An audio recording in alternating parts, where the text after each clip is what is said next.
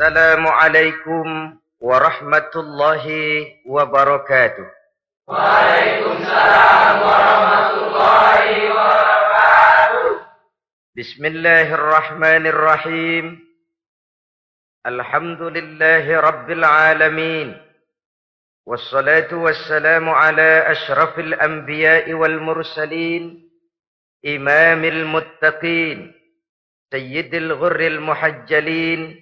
سيدنا ومولانا محمد وعلى آله وأصحابه المجاهدين الطاهرين أما بعد Saudara-saudara kaum muslimin rahimakumullah. Dalam kehidupan ini pada satu sisi memang kita harus melaksanakan berbagai kegiatan amal ibadah.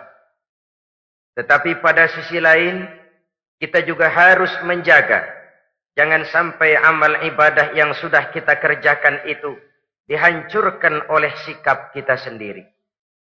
Bahwa kita sudah sholat, Alhamdulillah. Bahwa kita sudah zakat dan memberikan sodakoh, syukur. Bahwa kita sudah melaksanakan ibadah haji, toyib. Apakah dengan demikian amal kita sudah menjadi banyak? Nanti dulu. Jangan berbangga hati dan puas diri.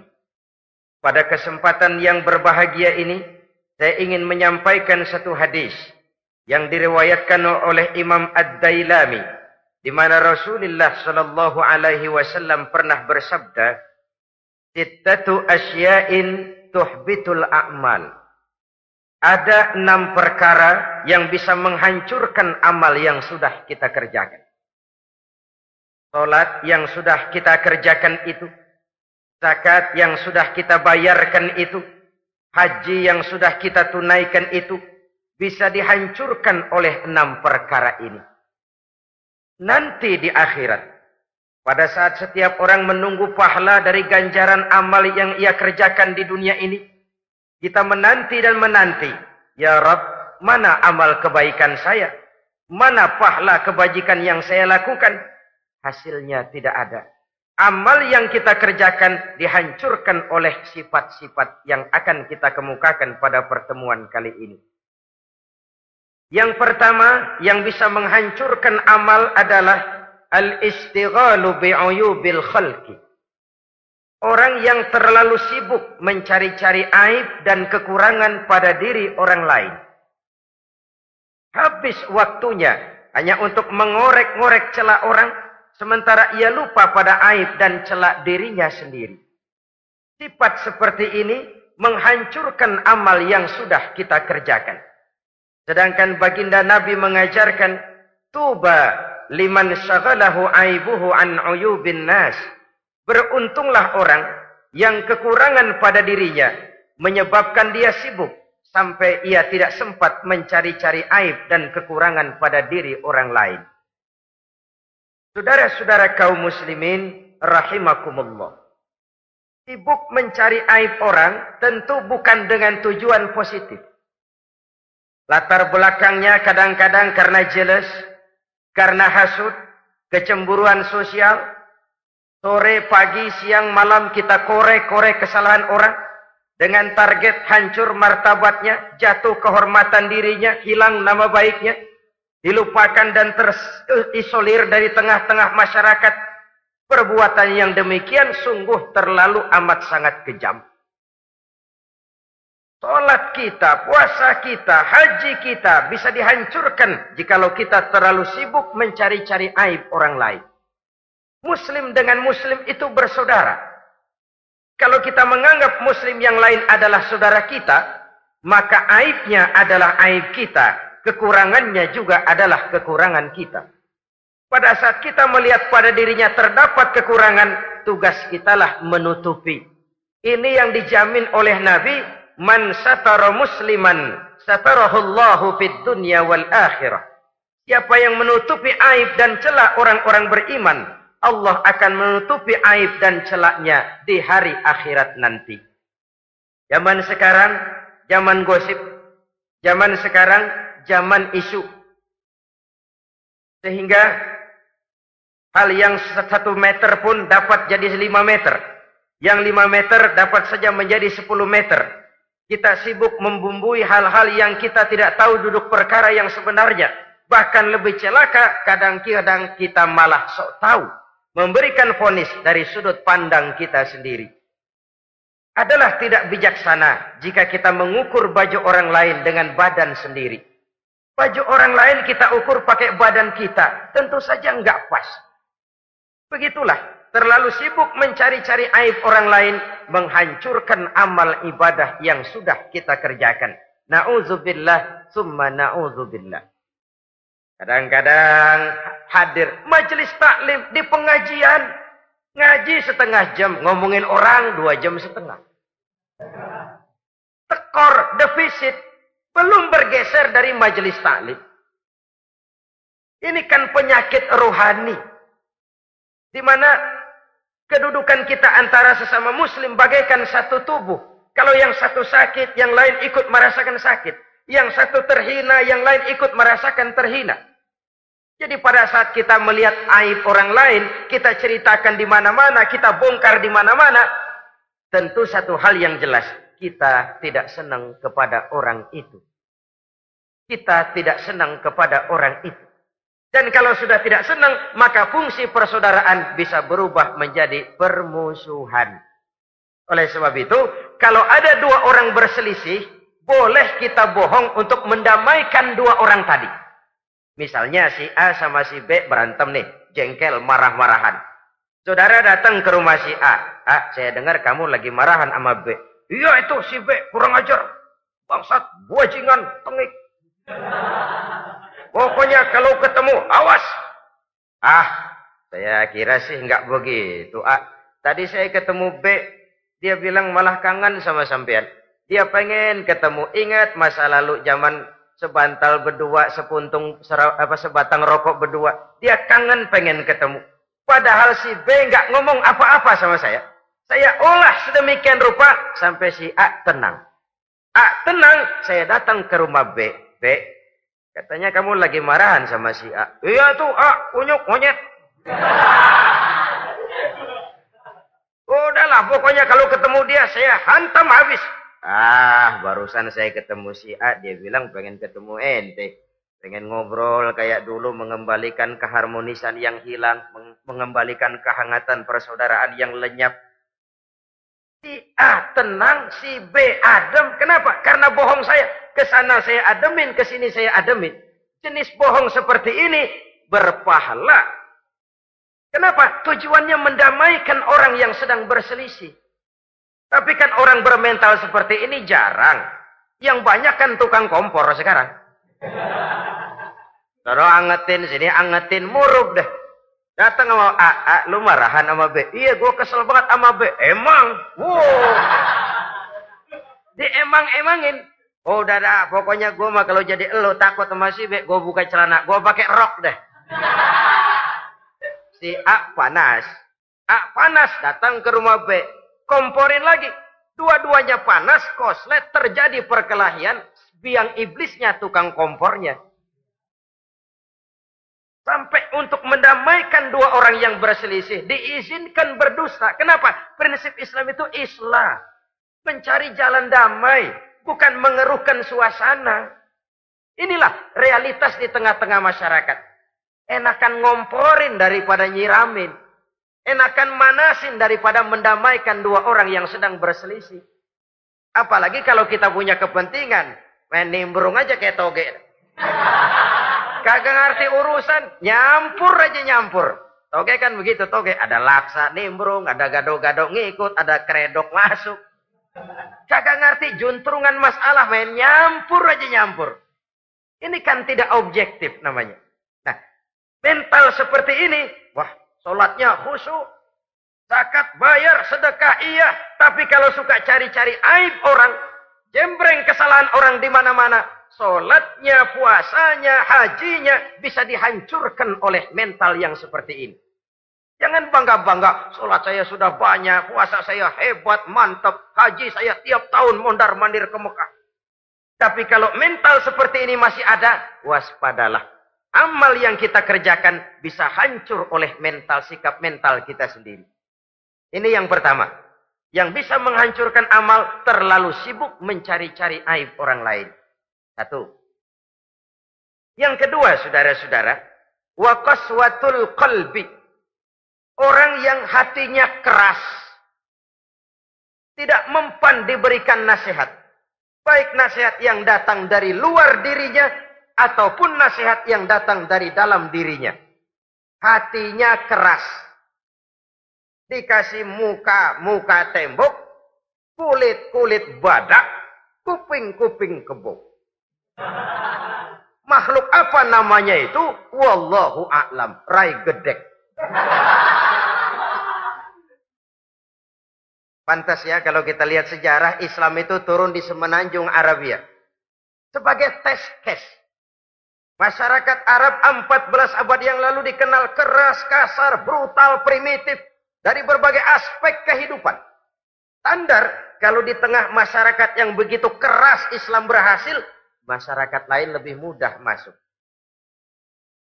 Rasulullah diutus di Cianjur lalu dakwahnya sukses, saya nggak kagum. Paling-paling datang Nabi ke Cianjur disambut dengan ramah, enggak Rasul. Ayah nama aku maha Rasul ayah nama itu. Pasti aman, damai, tidak ada cerita perang. Tapi Masya Allah, turun di tengah satu struktur sosial yang keras, kasar, primitif. Menghadapi orang yang hatinya keras seperti ini. Apa prinsip kebijaksanaan yang dilaksanakan oleh Rasul dalam menerapkan syariat Islam? Pertama, at-tadrij fit tashri. Dalam melaksanakan syariat, prosesnya melalui tahapan. Contoh, jahiliyah dulu itu paling senang sama mabuk. Geng. Binteler. Oh jahiliyah itu kalau sudah mabuk nggak cuman minum, mandi pakai arak. Subhanallah, mandi pakai arak. Menghadapi masyarakat yang seperti ini, apa strategi syariat Islam? Mula-mula ayat yang turun. Yas'alunaka 'anil khamri wal maisir. Qul fihima ismun kabirun wa manafi'un linnas. Mereka bertanya kepada Muhammad, Muhammad tentang arak. Katakan, arak itu ada manfaatnya, tapi juga ada bahayanya. Bahayanya lebih besar daripada manfaatnya. Tidak diharamkan dulu, tidak. Cuman dikasih sen. Teler emang enak. Oh, melayang ke langit. Cuman ada bahayanya. Bahayanya lebih besar daripada manfaatnya. Dikasih gambaran, dikasih sen. Tidak diharamkan mutlak dulu, tidak. Bertahap dikit dulu. Nih, nih, nih, nih. Urusannya begini nih. Ada manfaatnya, tapi ada bahayanya. Bahayanya lebih besar daripada manfaatnya. Jak rasio berpikir. Setelah tahu bahayanya lebih besar, kan dikit-dikit mulai jauh. Mulai ngurangin, jaga jarak. Setelah ada jarak, turun peringatan kedua. La taqrabus salata wa antum sukara. Jangan dekati solat kalau kamu lagi mabuk. Solat sehari semalam pan lima kali. Berarti lima kali mereka harus jaga diri. Jangan sampai mabuk. Makin jauh. Setelah jauh sekali, kira-kira tidak goyah, turun fonis. Innamal khamru wal maisir wal ansab wal azlamu rijsun min amali syaitan fajtanibu la'allakum tuflihun. Arak itu najis, kotor, perbuatan setan. Jauhi, pasti kamu akan beruntung. Baru timbul hukum haramnya. Orang udah nggak kaget. Kenapa? Pagi-pagi udah dikasih sen. Bahayanya lebih besar. Kalau sholat jangan, kalau mabuk jangan mendekati sholat. Makin jauh. Ini tahapan. Sama juga kita kan. Begitu jebrol lahirnya cuman susu. Susu ibu. Gedean dikit sang ambon. Kan gitu. Gedean dikit pisang ulek. Gedean dikit nasi. Udah gede bener jengkol jijelin. Proses. Proses. Coba bayi begitu lahir kasih pisang batu. Tenggeng. Gak, gak kuat. Menerima belum waktunya. Ini proses yang dilaksanakan oleh strategi syariat Islam untuk mengobati penyakit koswatul kolbi ini. Keras hati. Syariatnya bertahap. Tidak drastis. Tidak kalau sudah begitu ya mesti begitu. Tidak. Konsep kedua. Taklilut takalif. Menyedikitkan beban. Coba kita lihat. Seluruh konsep agama. Kalau kemampuan melaksanakan perintah berkurang. Stressing perintahnya ikut turun. Angkat tuh beras 100 kilo. Enggak kuat pak. 30 kilo dulu deh. Ntar balik lagi. Lama-lama juga habis. Ini konsep untuk mengobati koswatul kolbi. Bertahap. Semua perintah agama itu begitu. La yukallifullahu nafsan illa wus'aha. Allah tidak memberikan beban kecuali sesuai dengan kemampuan yang dimiliki oleh seseorang. Kalau kemampuan melaksanakan perintah berkurang, stres perintahnya juga ikut menurun. Sholat wajib diri. Kalau mampu. Gak bisa pak sholat berdiri. Sholat dengan berbaring. Kalau mampu. Berbaring gak bisa pak. Pinggang kurap. Sholat. Pakai isyarat. Kalau mampu. Pakai isyarat tidak bisa. Dalam hati. Setiap kemampuan melaksanakan perintah berkurang. Stres perintahnya juga menurun. Taklilut takalif. Ini juga salah satu strategi. Mengantisipasi, mengantisipasi kerasnya hati. Nah. Konsep yang ketiga dari syariat. Al-musawat bainan nas fi takalifil ahkam. Persamaan terhadap manusia di dalam berhadapan dengan hukum Allah. Kadang orang yang hatinya keras itu, logikanya jalan, ngukurnya ngukur suasana. Gimana sih lu? Menggerib kagak mau ke masjid? No, yang Pak Haji masih di perapatan. yang Pak Haji disebut. Itu kan cenderung orang begitu. Kalau dia nyolong ayam, dia tunjuk orang yang nyolong kambing. Ini apologi namanya. Kenapa lo jolong ayam? Gue, no, yang maling kambing urusin, gedean. Apologi. Lah kapan mau beres kalau begitu? Tidak introspeksi, tidak self correction. Itu apologi. Untuk menutupi kelemahan diri, menunjuk kesalahan orang lain yang lebih besar. Itu kan nggak jantan namanya. Apologi. Tidak ada sifat untuk memperbaiki diri sendiri. Karena kecenderungan ini ada, Islam menutupi itu. Dengan apa? Semua manusia sama dalam berhadapan dengan hukum Allah. Gak ada iri hati dalam hukum Islam ini. Sholat wajib, wajib. Bagi siapa? Yang sudah balik dan mampu. Terhadap semua strata. Jenderal wajib, kopral wajib. Apalagi hansip. Tidak ada fasilitas. Wah kamu jenderal nggak apa-apa dah sembahyang setahun dua kali. Idul Fitri aja Maidul Adha. Enggak tuh. Semua manusia sama dalam berhadapan dengan hukum Allah. Itu yang Nabi ingatkan. Orang-orang sebelum kamu dahulu hancur. Umat-umat sebelum ini rusak binasa. Kenapa? Karena mereka kalau orang kecil berbuat salah. Hukum cepat-cepat ditegakkan. Tapi kalau yang besar berbuat salah. Mereka diam pura-pura tidak tahu. Jadi apa ini? Yang namanya mafia peradilan bukan cuma zaman ayana.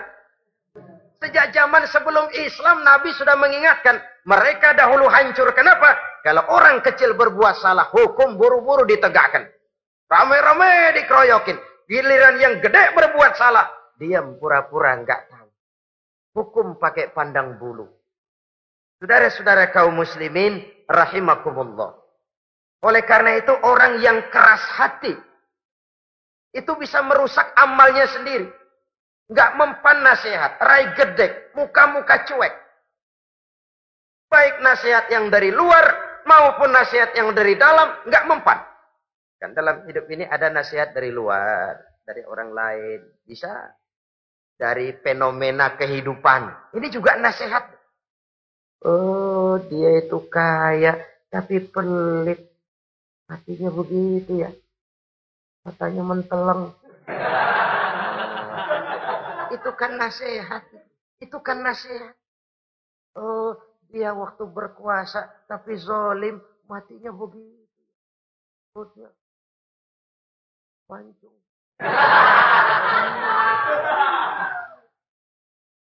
Fenomena kehidupan yang kita lihat, yang kita dengar, yang kita saksikan, itu semuanya bisa nasihat. Unzuru kaifa kana akibatul mukadzibin. Lihat kehidupan ini. Dunia ini kan sebuah sekolahan besar. Semua yang kita lihat, kita saksikan, kita pelajari bisa jadi contoh buat kita. Orang yang bijak yang bisa mengambil hikmah dari mana pun datangnya. Baik dari yang baik maupun yang dari yang tidak baik. Saudara-saudara kaum muslimin rahimakumullah, nasihat yang datang dari luar, dari orang atau dari fenomena kehidupan. Atau nasihat yang tumbuh dari dalam diri sendiri, perubahan organisme tubuh. Itu kan nasihat. Ya Allah, sekarang cantik jelita. Iya, sedang sweet seventeenan. Rambutnya hitam, ikal berderai. Iya, semua memuja, memuji. Ho -oh. Alisnya katanya laksana semut beriring. Dagunya bak pauh di layang. Kalau dia senyum, semua orang terpesona. Sekarang, 50 tahun yang akan datang, coba senyum. Kabur orang. Fenomena kehidupan. Apa yang tidak berakhir? Kenapa harus keras hati? Kita kata kita berkuasa, berapa hari kita punya jabatan? Kita kata kita kaya, berapa banyak harta kita? Kita kata kita alim, kita tahu. Apa yang kita tahu dari semesta jagat raya ini? Lalu apa yang tidak berakhir? Korun yang katanya kaya, mati itu. Fir'aun yang katanya gagah, mati. Napoleon Bonaparte, the Lion of Europe, singa daratan Eropa, mati. Saking mati.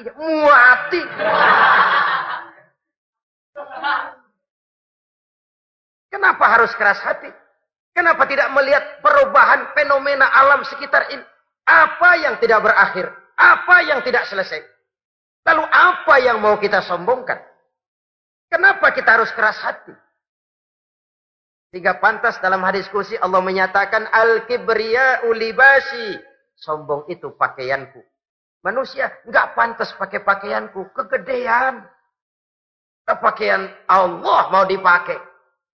Kalau Allah sombong, udah pantas aja udah. Kenapa? Kagak ada Tuhan lain selain dia. Udah pantas dia nyombong. Kita nyombong apaan? Oleh sebab itu, beruntung orang kalau diberikan hati yang lembut, mudah menerima kebenaran, peka terhadap kesulitan orang lain, ringan tangan memberikan pertolongan buat mereka yang memang memerlukan. Dan gak semua orang dikasih begitu. Gak semua orang. Lain ya, Umar bin Khattab sikapnya keras, tapi hatinya gampang menerima kebenaran. Nah, lain orang kayak begini. Keras sikap boleh keras, tapi hati mudah menerima kebenaran. Wah, kalau Umar kerasnya kan luar biasa. Tapi hatinya kok gampang menerima kebenaran. Ini hidayah. Coba lihat waktu berita Rasulullah meninggal dunia. Sampaikan oleh para sahabat, Umar jengkel, cabut pedang. Siapa bilang Muhammad mati, saya tabas batang lehernya. Dia nggak siap menghadapi kenyataan. Emosinya yang jalan, bukan rasionya. Keras. Bilang deh, Muhammad meninggal. Saya tabas batang lehernya. Untung ada Sayyidina Abu Bakar. Beliau tidak bicara langsung, cuma pidato. Ayyuhan nas, man kana ya'budu Muhammadan fa inna Muhammadan qad mata.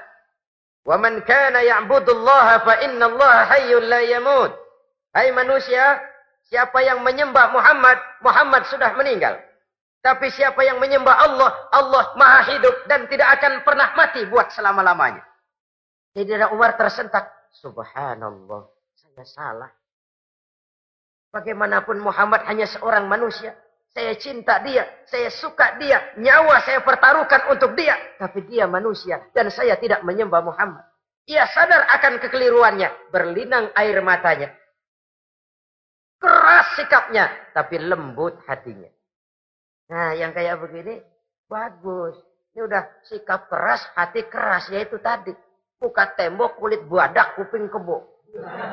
Diapain aja udah nggak mempan aja udah. Susah yang kayak begini. Saudara-saudara, ma'asyiral muslimin rahimakumullah. Jadi yang kedua yang bisa menghancurkan amal kita orang yang hatinya keras. Wah. Yang ketiga sekarang yang bisa menghancurkan amal kita itu wahubbud dunia. Orang yang terlalu cinta kepada dunia. Nih, pakai kalimat terlalu ya. Kalau sekadar cinta kepada dunia, why not? Kita cinta anak dan istri, wajar. Kita cinta harta benda, tentu. Kita cinta sanak famili dan seluruh handai tolan, memang. Kita juga cinta kepada bangsa dan tanah air. Itu bagian dari iman. Persilahkan. Yang tidak boleh itu kalau sudah pakai kalimat terlalu. Terlalu. Sebab kalau sudah terlalu, itu sudah di luar kontrol. Orang lalu menghalalkan segala cara. Terlalu cinta kepada jabatan. Akhirnya bergeser. Sholat menghadap Allah. Dengar mau pindah jabatan ke tempat kering, gerasak gerusuk nyari dukun. Ini kan namanya iya kanak budu wadukun nastain. Enggak bisa wong itu satu paket. Kalau iya karena budu, wa iya karena stain. Kalau hanya kepadamu ya Allah kami menyembah, hanya kepadamu kami minta tolong. Ini paket, jangan dipisah-pisah. Menyembahnya kepada Allah, minta tolongnya kepada yang lain. Sinkrit, bercampur. Iya, kalau es campur enak. Tapi kalau agama dicampur dengan yang lain, nggak enak rasanya. Sama juga begini, ada gelas ya. Kalau sepenuhnya diisi bensin, itu ketahuan. Bisa diminum motor. Kalau sepenuhnya diisi air putih, jelas bisa diminum orang. Tapi begitu separuh diisi bensin, di separuh diisi air putih, kacau dah.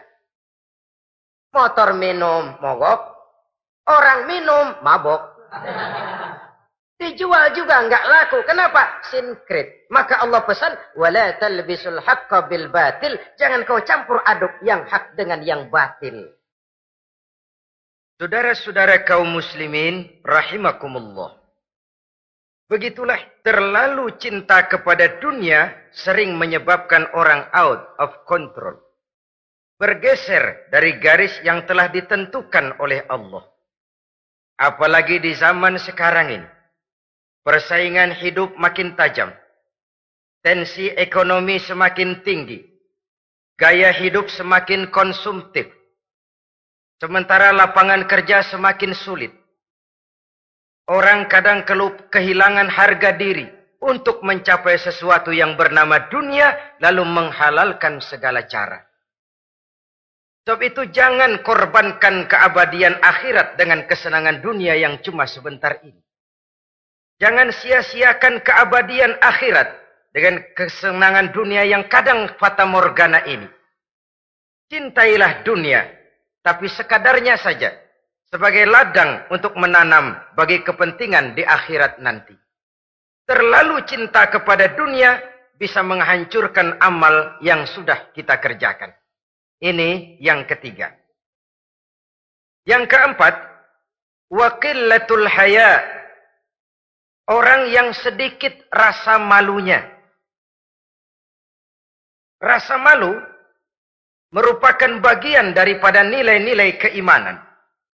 Apabila rasa malu berkurang, artinya nilai iman juga ikut menurun.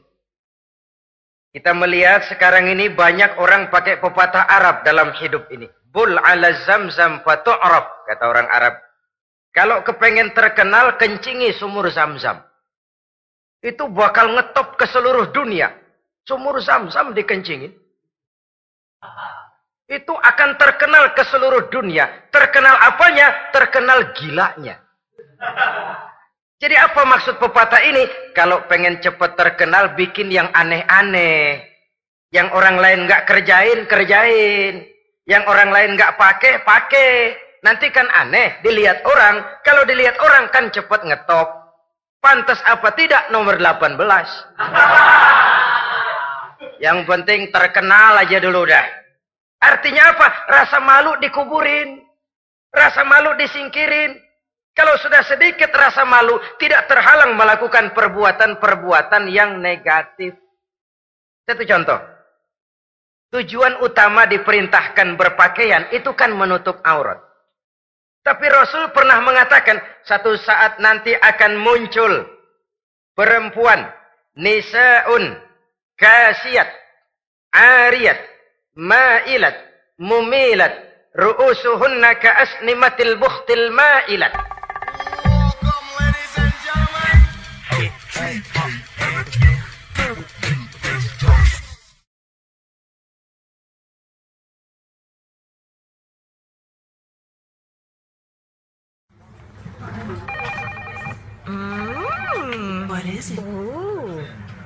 Chocolate product by the Integral CJ's Management. What chocolate?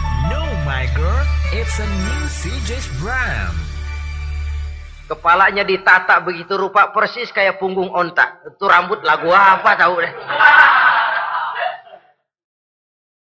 Ini kan fenomena berpakaian tapi telanjang. Kenapa? Yang dikejar mode, yang dikejar merek. Kiblatnya Paris, London, Roma. Imamnya siapa? Pierre Cardin, Char apa Christian Dior, Escada, apa itu Etin Egner. Merek yang dikejar, mode yang dikejar, aurat pontang panting. Ditambah oleh tayangan-tayangan berbagai iklan yang merangsang anak-anak kita untuk hidup konsumtif. Yo, iyo yo. Cocok iya jeng urang yo. Terangsang dia untuk konsumtif. Dihadapi, dihadapkan kepada kenyataan. Suasana ekonomi nggak menunjang. Orang tua lemah ekonominya. Dia lihat sekelilingnya ternyata yang lain juga begitu. Banyak teman senasib kumpul kumpul kumpul. Disingkirkan rasa malu. Akhirnya tukang bajai ditodong. Kilatul haya, sedikit rasa malu. Kalau sedikit rasa malu, dia tidak terhalang lagi melakukan perbuatan-perbuatan yang negatif. Dan itu berarti menghancurkan amal-amal yang lain. Sebab itu budaya malu ini sangat penting. Coba kalau dia hinggap di hati seorang pejabat. Pejabat yang punya rasa malu, Masya Allah, membawa manfaat yang besar buat rakyatnya. Contoh saja ya, di Jepang itu ada Perdana Menteri Hosokawa, saudara-saudara dengar. Baru delapan bulan jadi Perdana Menteri. Dia dijuluki Mr. Clean, Mr. Bersih. Diisukan terlibat skandal, cuma 4 sampai 6 miliar rupiah. Itu pun buat kampanye kemenangan partainya. Diisukan begitu rupa, malu Hosokawan. Malu mengundurkan diri. Baru 8 bulan jadi Perdana Menteri. Mundur, malu. Padahal Hosokawa nggak kenal ketuhanan yang Maha Esa. Nggak kenal. Tapi budaya malunya luar biasa. Nah kalau sudah pejabat nggak punya malu, habis. Kan sekarang umpamanya nih, ada impres desa tertinggal disunatin. Uh, sampai marah betul itu Bapak para pimpinan negara kita itu. Tidak ada maaf bagi pejabat yang nyunatin IDT. Kenapa? Kan tipis rasa malu. Turun dari atas sunatin, turun ke bawah sunatin, turun ke bawah sunatin lagi. Nyampe bawah tetelan doang dikit banget. Kebanyakan tukang sunat, saudara-saudara. Budaya malu yang nipis. Orang kaya kalau punya budaya malu, bawa rahmat bagi lingkungannya. Ulama kalau punya rasa malu, nggak jual ayat menghalalkan yang haram, mengharamkan yang halal. Bagaimana kiai haram karena belum dapat bagian. Begitu dapat jatah, haram dikit dah. Kiamat umat kalau sudah kayak begini. Budaya malu di segala strata sekarang ini menipis. Dan itu tentu berangkat dari kualitas keimanan. Ini, ini yang perlu dipompa ke permukaan. Dan dilematis memang sering terjadi. Satu contoh, pada satu sisi kita menggalakkan proyek pariwisata. It's okay, kita perlu devisa.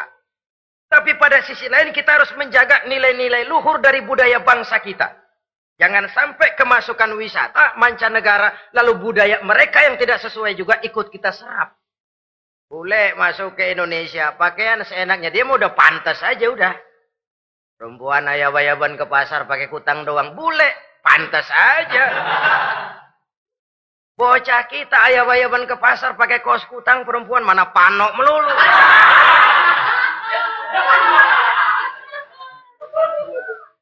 Menipisnya budaya malu.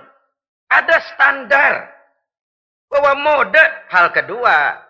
Merek apalagi. Yang pertama itu menutup aurat. Eh, dari, dari sisi berpakaian saja. Kalau anak-anak kita diracuni oleh yang namanya mode, diracuni oleh yang namanya merek, dia akan terbuai hidup dalam alam kepalsuan. Mau sekarang ini hidung pesek bisa dibikin mancung. Kulit keriput jadi kenceng operasi plastik. Pada sisi lain pengaruh duit juga luar biasa. Di aki-aki keriput kalau habis gusuran kenceng lagi. Pasaran keras lagi. Oleh sebab itu budaya malu ini perlu kita kembangkan. Supaya di semua strata sosial memiliki budaya yang namanya malu. Sederhana memang, tapi tidak semudah mengucapkannya. Sampai-sampai dijadikan taruhan Al-haya'u minal iman. Rasa malu itu bagian daripada iman. Dan malu yang tertinggi, kalau sudah punya malu kepada Allah, itu puncak. Puncaknya di situ, kalau cuma malu sama mertua, ngaling aja dikit, ya kagak tahu deh. Kalau cuma malu kepada petugas keamanan, terlalu banyak tempat yang mereka nggak lihat. Tapi kalau sudah budaya malu kepada Allah, tidak sejengkal tanah pun terhalang dari pengetahuan Allah. Ini nantinya juga punya pengaruh sosial. Sosial kontrol sekarang juga sudah renggang. Dulu kalau ada hal yang dianggap aib, satu kampung tahu. Malunya selebar awak. Sekarang budaya hidup sudah individualis. Tetangga mau apa kayak cuek aja udah. Akhirnya orang anteng lah nggak apa-apa ini dah tenang aja dah besok begitu aja lagi. Sosial kontrol juga sudah agak renggang sekarang ini. Kalau dulu orang punya rasa sosial kontrol yang begitu dekat. Oleh sebab itu, budaya malu merupakan bagian daripada iman. Orang yang sedikit rasa malunya bisa lepas kontrol. Kalau dia sudah lepas kontrol, dia bisa melakukan hal-hal yang merusak amal perbuatannya sendiri. Oleh karena itu, pada pertemuan kali ini, saya juga mengajak, mari kita tumbuh kembangkan budaya malu ini. Saudara-saudara kaum muslimin rahimakumullah. Yang kelima, yang bisa menghancurkan amal kita, watulul amal. Orang yang terlalu panjang angan-angannya. Hidup dalam bayangan. Kakinya tercabut dari alam realitas. Mengharap burung terbang tinggi, tapi punai di tangan cepat-cepat dilepas. Akhirnya burung di tangan terlepas punai juga tidak datang. Terlalu panjang angan-angan. Hidup cuma nunggu keajaiban. Yang diwiridin jikalau. Orang sudah ke mana-mana dia masih anteng. Jikalau andai kata umpama misalnya. Islam bukan agama orang pemalas yang selesai sholat lalu berpangku tangan. Ada orang yang cuma sujud saja rezekinya mengalir. Ada. Ada orang yang cuma munajat di keheningan malam. Rezekinya mengucur. Ada. Tapi kan bukan kelas kita. Itu kelas antara dia dengan Allah tidak ada jarak lagi. Orang-orang yang batinnya bersih.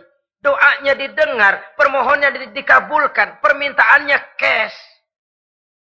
Kalau kita bisa bayang cuma nadah doang, nggak mau usaha, paling banter orang undang tahlil kita. Sebesek campur geretan udah. Kita ini tahap yang bekerja, berusaha, berdoa, tawakal. Pernah dalam satu sholat Jumat Rasulullah di masjid ada seorang sahabat Badui datang dari pedalaman mau sholat Jumat. Turun dari ontak cepat-cepat masuk ke masjid. Ditegur oleh Rasul eh ontamu sudah kamu ikat? Belum ya Rasul. Kenapa? Saya tawakal kepada Allah. Marah Rasul. Keluar ikat ontamu masuk lagi ke masjid baru tawakal Sederhana sekali. Tapi inilah gambaran kehidupan. Ikat ontamu baik-baik, baru tawakal. Kalau nggak diikat, udah tawakal, terus hilang, tawakalnya salah. Sudah diikat rapi-rapi, masih hilang juga. Nah, tawakalnya benar. Sudah is usaha, sudah ikhtiar. Toh hilang juga. Gambarannya sederhana. Ikat ontamu baik-baik, lalu masuk ke masjid, barulah engkau bertawakal. Jangan onta dibiarin keliaran lalu tawakal. Tawakalnya yang salah. Saudara-saudara kaum muslimin rahimakumullah. Islam mengajarkan keseimbangan. Kita wajib berusaha. Tapi tidak wajib untuk berhasil. Hasil itu hak prerogatifnya Allah. Berusahalah sebagaimana harusnya di satu sisi. Tapi minta tolonglah kepada Allah di sisi lain. Ada keseimbangan. Orang yang terlalu panjang angan-angannya biasanya malas bekerja. Terangsang ngejar kerjaan yang gede, yang kecil kagak dikerjain. Akhirnya yang kecil le lewat, yang gede kagak datang. Padahal rezeki itu kan yang penting mudawamahnya ya, rutinnya. Biar banyak tapi begitu sekali datang banyak, begitu stop 10 tahun kagak datang terus. Sengsara juga. Yang penting mudawamah, kontinunya itu. Biarin duit si banyak, asal rutin aja. Gak apa-apa. Dulul amal, terlalu panjang angan-angan. Hidup di alam bayangan. Terlepas kaki dari akar kenyataan. Hidup ini kan kenyataan, harus dihadapi secara nyata. Islam ini agama yang wajar, hiduplah secara wajar. Jangan melakukan sesuatu yang memang bukan makom kita di situ. Artinya apa? Kalau memang kita cangkir, lalu minta air seember, kan lebihnya mubazir. Cangkir, minta air diisiin seember. Buat apa lebihnya? Bukan makom kita. Jangan tercabut dari akar kenyataan. Siapa sih kita ini? Jangan ibadah baru ala kadarnya, sikap udah kayak wali. Iyalah kalau wali cuma sujud, permohonannya makbul. Kenapa? Dia dengan Allah itu nggak ada jarak. Kita, lapisan dosa kita yang bikin jarak. Makanya sering dijelaskan ya. Kalau ada hadis, siapa yang baca bismillahirrahmanirrahim, dia lewat di atas air, beku itu air, dia bisa jalan di atas air. Bismillah saja bisa jalan di air. Tapi kan soalnya kemudian bismillahnya orang yang bagaimana? Model kita, maaf-maaf lah, seribu kali baca bismillah, lewat di empang, tenggelam kita. Bukan bismillahnya yang lain. Yang baca mentalnya, pribadinya yang lain. Makom kita belum di situ. Kalau memang makom kita masih harus berusaha, berusaha. Bahwa nanti Allah berikan rizki lewat jalan yang tidak kita sangka-sangka. Itu sih urusan Allah. Itu sih haknya Allah. Tapi urusan kita, kita harus berusaha sebagaimana harusnya kita berusaha. Ya, emang jodoh dari Tuhan, apanya pakai nyari, nanti juga jadi datang. Datang cuma nenek-nenek kali.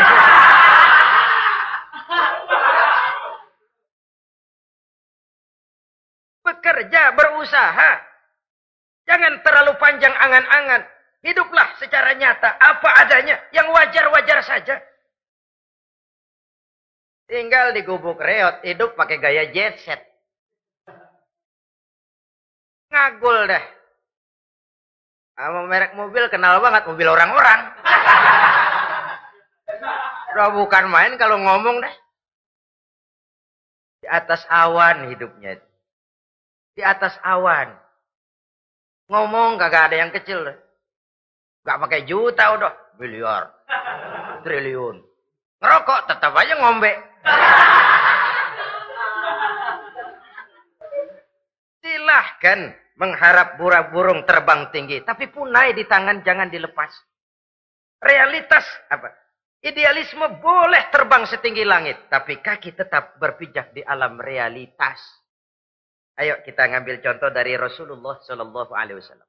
Rasulullah itu kan dikasih mukjizat, fasilitas, tapi nggak ngandelin.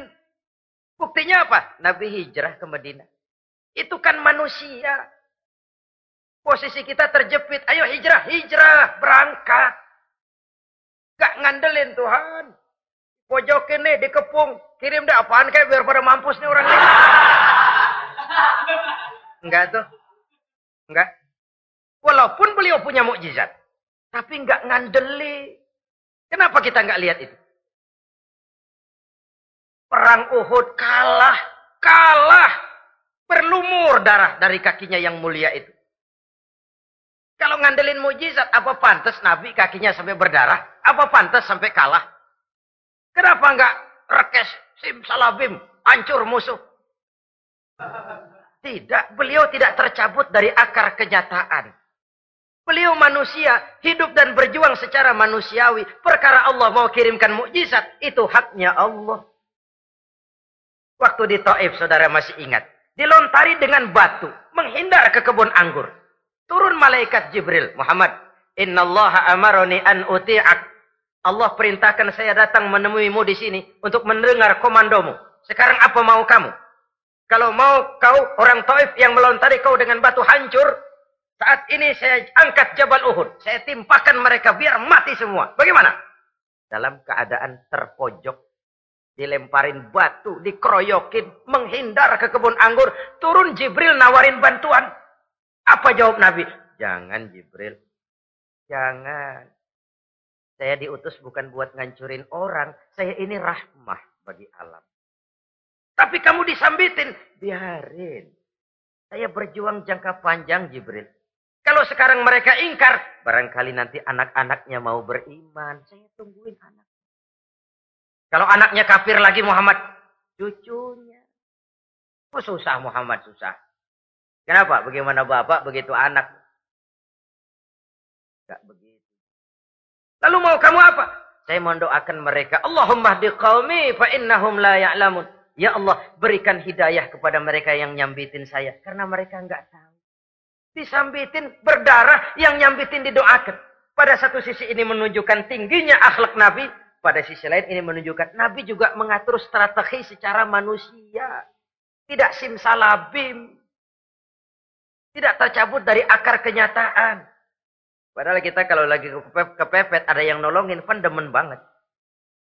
Kali mah kalau kita yang jadi nabi tuh, Disambitin orang, turun Jibril. Bagaimana hancurin? Sikat Jibril dah. Habisin aja, habisin. Hijrah ini usaha ikhtiar manusiawi. Perang kalah manusiawi. Putra tercinta wafat berlinang air mata manusiawi. Sakit manusiawi. Padahal punya mukjizat. Tapi nggak ngandelin. Semua nabi juga gitu. Nabi Musa dikasih tongkat. Tapi berapa kali tuh tongkat dipakai? Waktu ngelawan tukang sihir, waktu nyebrang di lautan merah. Itu aja. Selebihnya Nabi Musa berjuang secara manusia, berusaha. Gak mentang-mentang punya mukjizat tongkat tiap dapat kesulitan. Awas tongkat.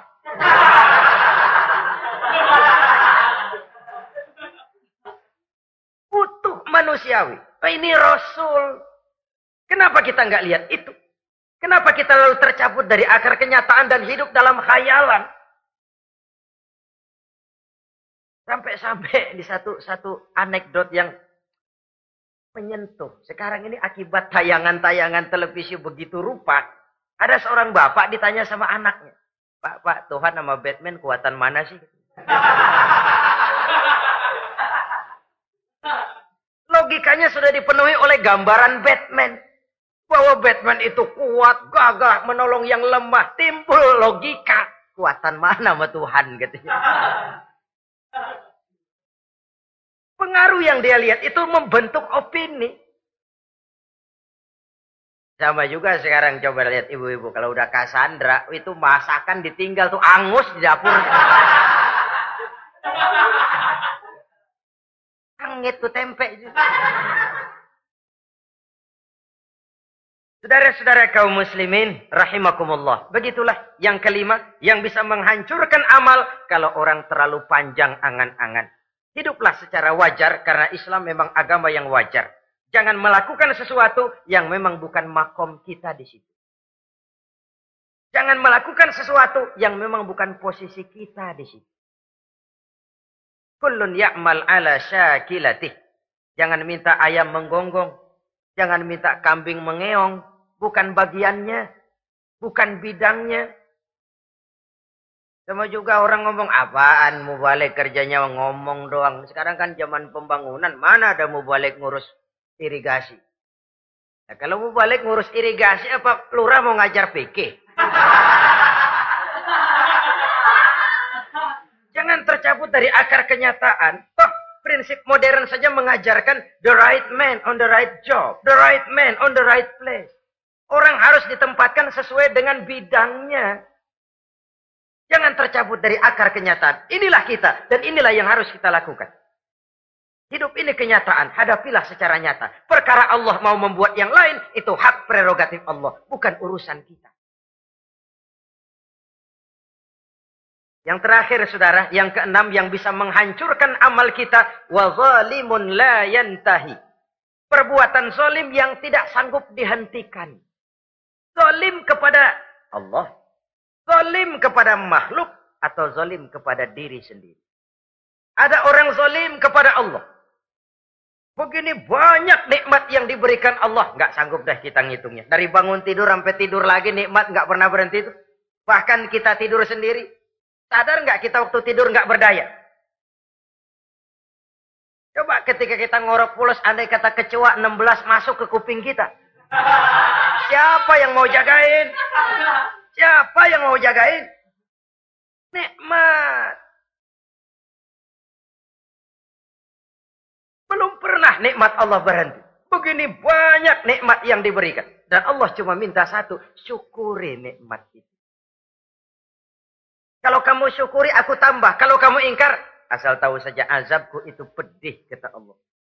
Orang yang salim kepada Allah, orang yang tiap hari memakan nikmat Allah, tapi enggak pernah mensyukurinya. Akaltum nikmat rabbikum walam tashkurulah. Kamu makan nikmat Tuhanmu, tapi enggak pernah kamu bersyukur kepadanya. Itu zolim kepada Allah. Pak, dalam hidup ini kan kita dikasih waktu 24 jam sehari semalam. Sehari semalam, 24 jam. 24 jam itu Allah kan nggak minta semua. Lima waktu saja kau lapor kepada aku. Sholat. Sholat kalau bagus, 10 menit kan. Taruh tuh, sholat bagus. Kilat, 5 menit dah. Kilat khusus dua menit. Cepet dia nggak pakai perangko. Taruhlah yang menengah kita ambil lima menit. Kalau lima waktu, lima kali dua puluh lima, eh, lima kali lima berarti dua puluh lima menit untuk lapor. Hei manusia, aku kasih kau hidup dua puluh empat jam. Dua puluh lima menit kau lapor. Banyak yang berat. Padahal sisanya masih dua puluh tiga jam tiga puluh lima menit sebuah gambaran zalim kepada Allah. Padahal zalim kepada Allah yang rugi bukan Allah. Se-ASEAN tidak ada yang sujud. Apa Allah tekor? Apa Allah lalu berhenti jadi Tuhan? Apa Allah lalu jadi lemah? Tidak. Zalim kepada Allah artinya juga zalim kepada diri sendiri. Lalu zalim kepada sesama makhluk. Kadang tidak kita sengaja. Karena itu dalam Islam tidak ada kebebasan mandiri. Ya contohnya ya. Kita beli radio. Kita setel di rumah kita sekeras-kerasnya. Terus dalam hati nih. Radio, radio gue. Beli gue, pakai duit, duit gue. Gue setel di rumah gue. Sekeras-kerasnya. Urusan apa sama orang? Kata kita. Tetangga kita kan boleh juga ngomong begitu. Eh, mata-mata gue. Yang ngantuk gue. Gue tidur di kamar gue. Ngapa suara radio lu masuk kemari? Ini kebebasan saya nyetel radio dibatasi oleh kebebasan tetangga saya yang mau tidur. Kalau saya perturutkan nafsu saya, saya sudah zolim kepada dia. Zolim kepada orang lain. Dan yang banyak tidak kita sadari, zolim kepada diri sendiri. Membiarkan diri hanyut dalam munkarot dan tanpa ada usaha untuk menghentikannya. Tidak ada orang yang bisa mencelakakan diri kita terus menerus kalau bukan diri kita sendiri. Tidak ada yang bisa menyelamatkan diri kita kalau bukan kemauan kita yang tinggi untuk menyelamatkannya. Allah sudah ciptakan kita dalam bentuk yang paling mulia. Fi ahsani takwim. Dari sekian banyak makhluk yang diciptakan Allah, tidak ada yang sekomplit, seindah, secantik manusia. Ini harus dijaga. Jangan posisi yang sudah tinggi ini kita rendahkan sendiri. Fi ahsani takwim posisi kita. Tapi kita rendahkan. Kita kembali asfala safilin. Posisi yang paling rendah. Kita zolimi diri kita sendiri. Karena itu. Zolim kepada Allah. Zolim kepada orang lain. Zolim kepada diri sendiri. Akarnya sama. Mendatangkan kerugian. Dan bisa merusak amal yang sudah kita kerjakan. Oleh karena itu. Mari sama-sama kita berusaha. Pada satu sisi kita melaksanakan amal ibadah sebagaimana yang seharusnya tapi pada sisi lain kita menjaga nilai-nilai ibadah. Jangan sampai hancur oleh perbuatan kita sendiri. Sekianlah jumpa kita kali ini. Insya Allah kita lanjutkan di lain kesempatan. Terima kasih atas segala perhatian. Mohon maaf atas segala kekurangan. Usikum wa nafsi bitaqwallah. Wassalamualaikum warahmatullahi wabarakatuh.